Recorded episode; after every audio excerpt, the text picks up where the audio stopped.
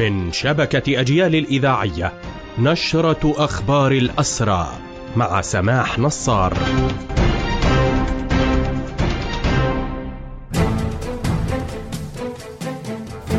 أهلا ومرحبا بكم إلى هذا اللقاء. بلغت حصيلة الاعتقالات منذ السابع من أكتوبر الماضي أكثر من 2280 حالة اعتقال وهذه الحصيلة تشمل من جرى اعتقالهم من المنازل وعبر الحواجز العسكرية للاحتلال ومن اضطروا لتسليم أنفسهم تحت الضغط ومن احتجزوا كرهائن.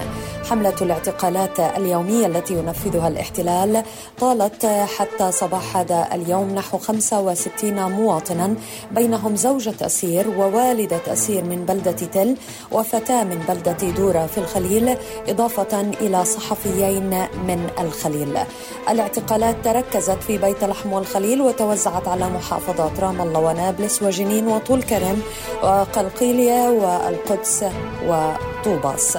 تترافق عمليات الاعتقال مع تنكيل بالعائلات وكذلك اعتداء مبرح على المعتقلين. في أخبار هذه النشرة قالت هيئة شؤون الاسرى والمحررين إن محكمة الاحتلال مددت اعتقال أمين سر حركة فتح في جنين عطاء برميلي لسبعة أيام حيث عقدت له جلسة محكمة يوم أمس في مركز تحقيق الجلمة.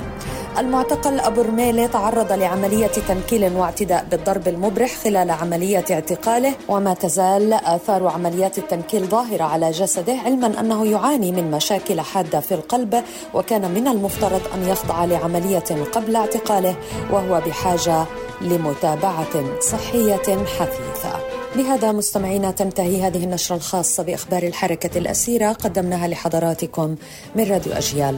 تحية الحرية لأسر الحرية وتحياتي. سماح نصار.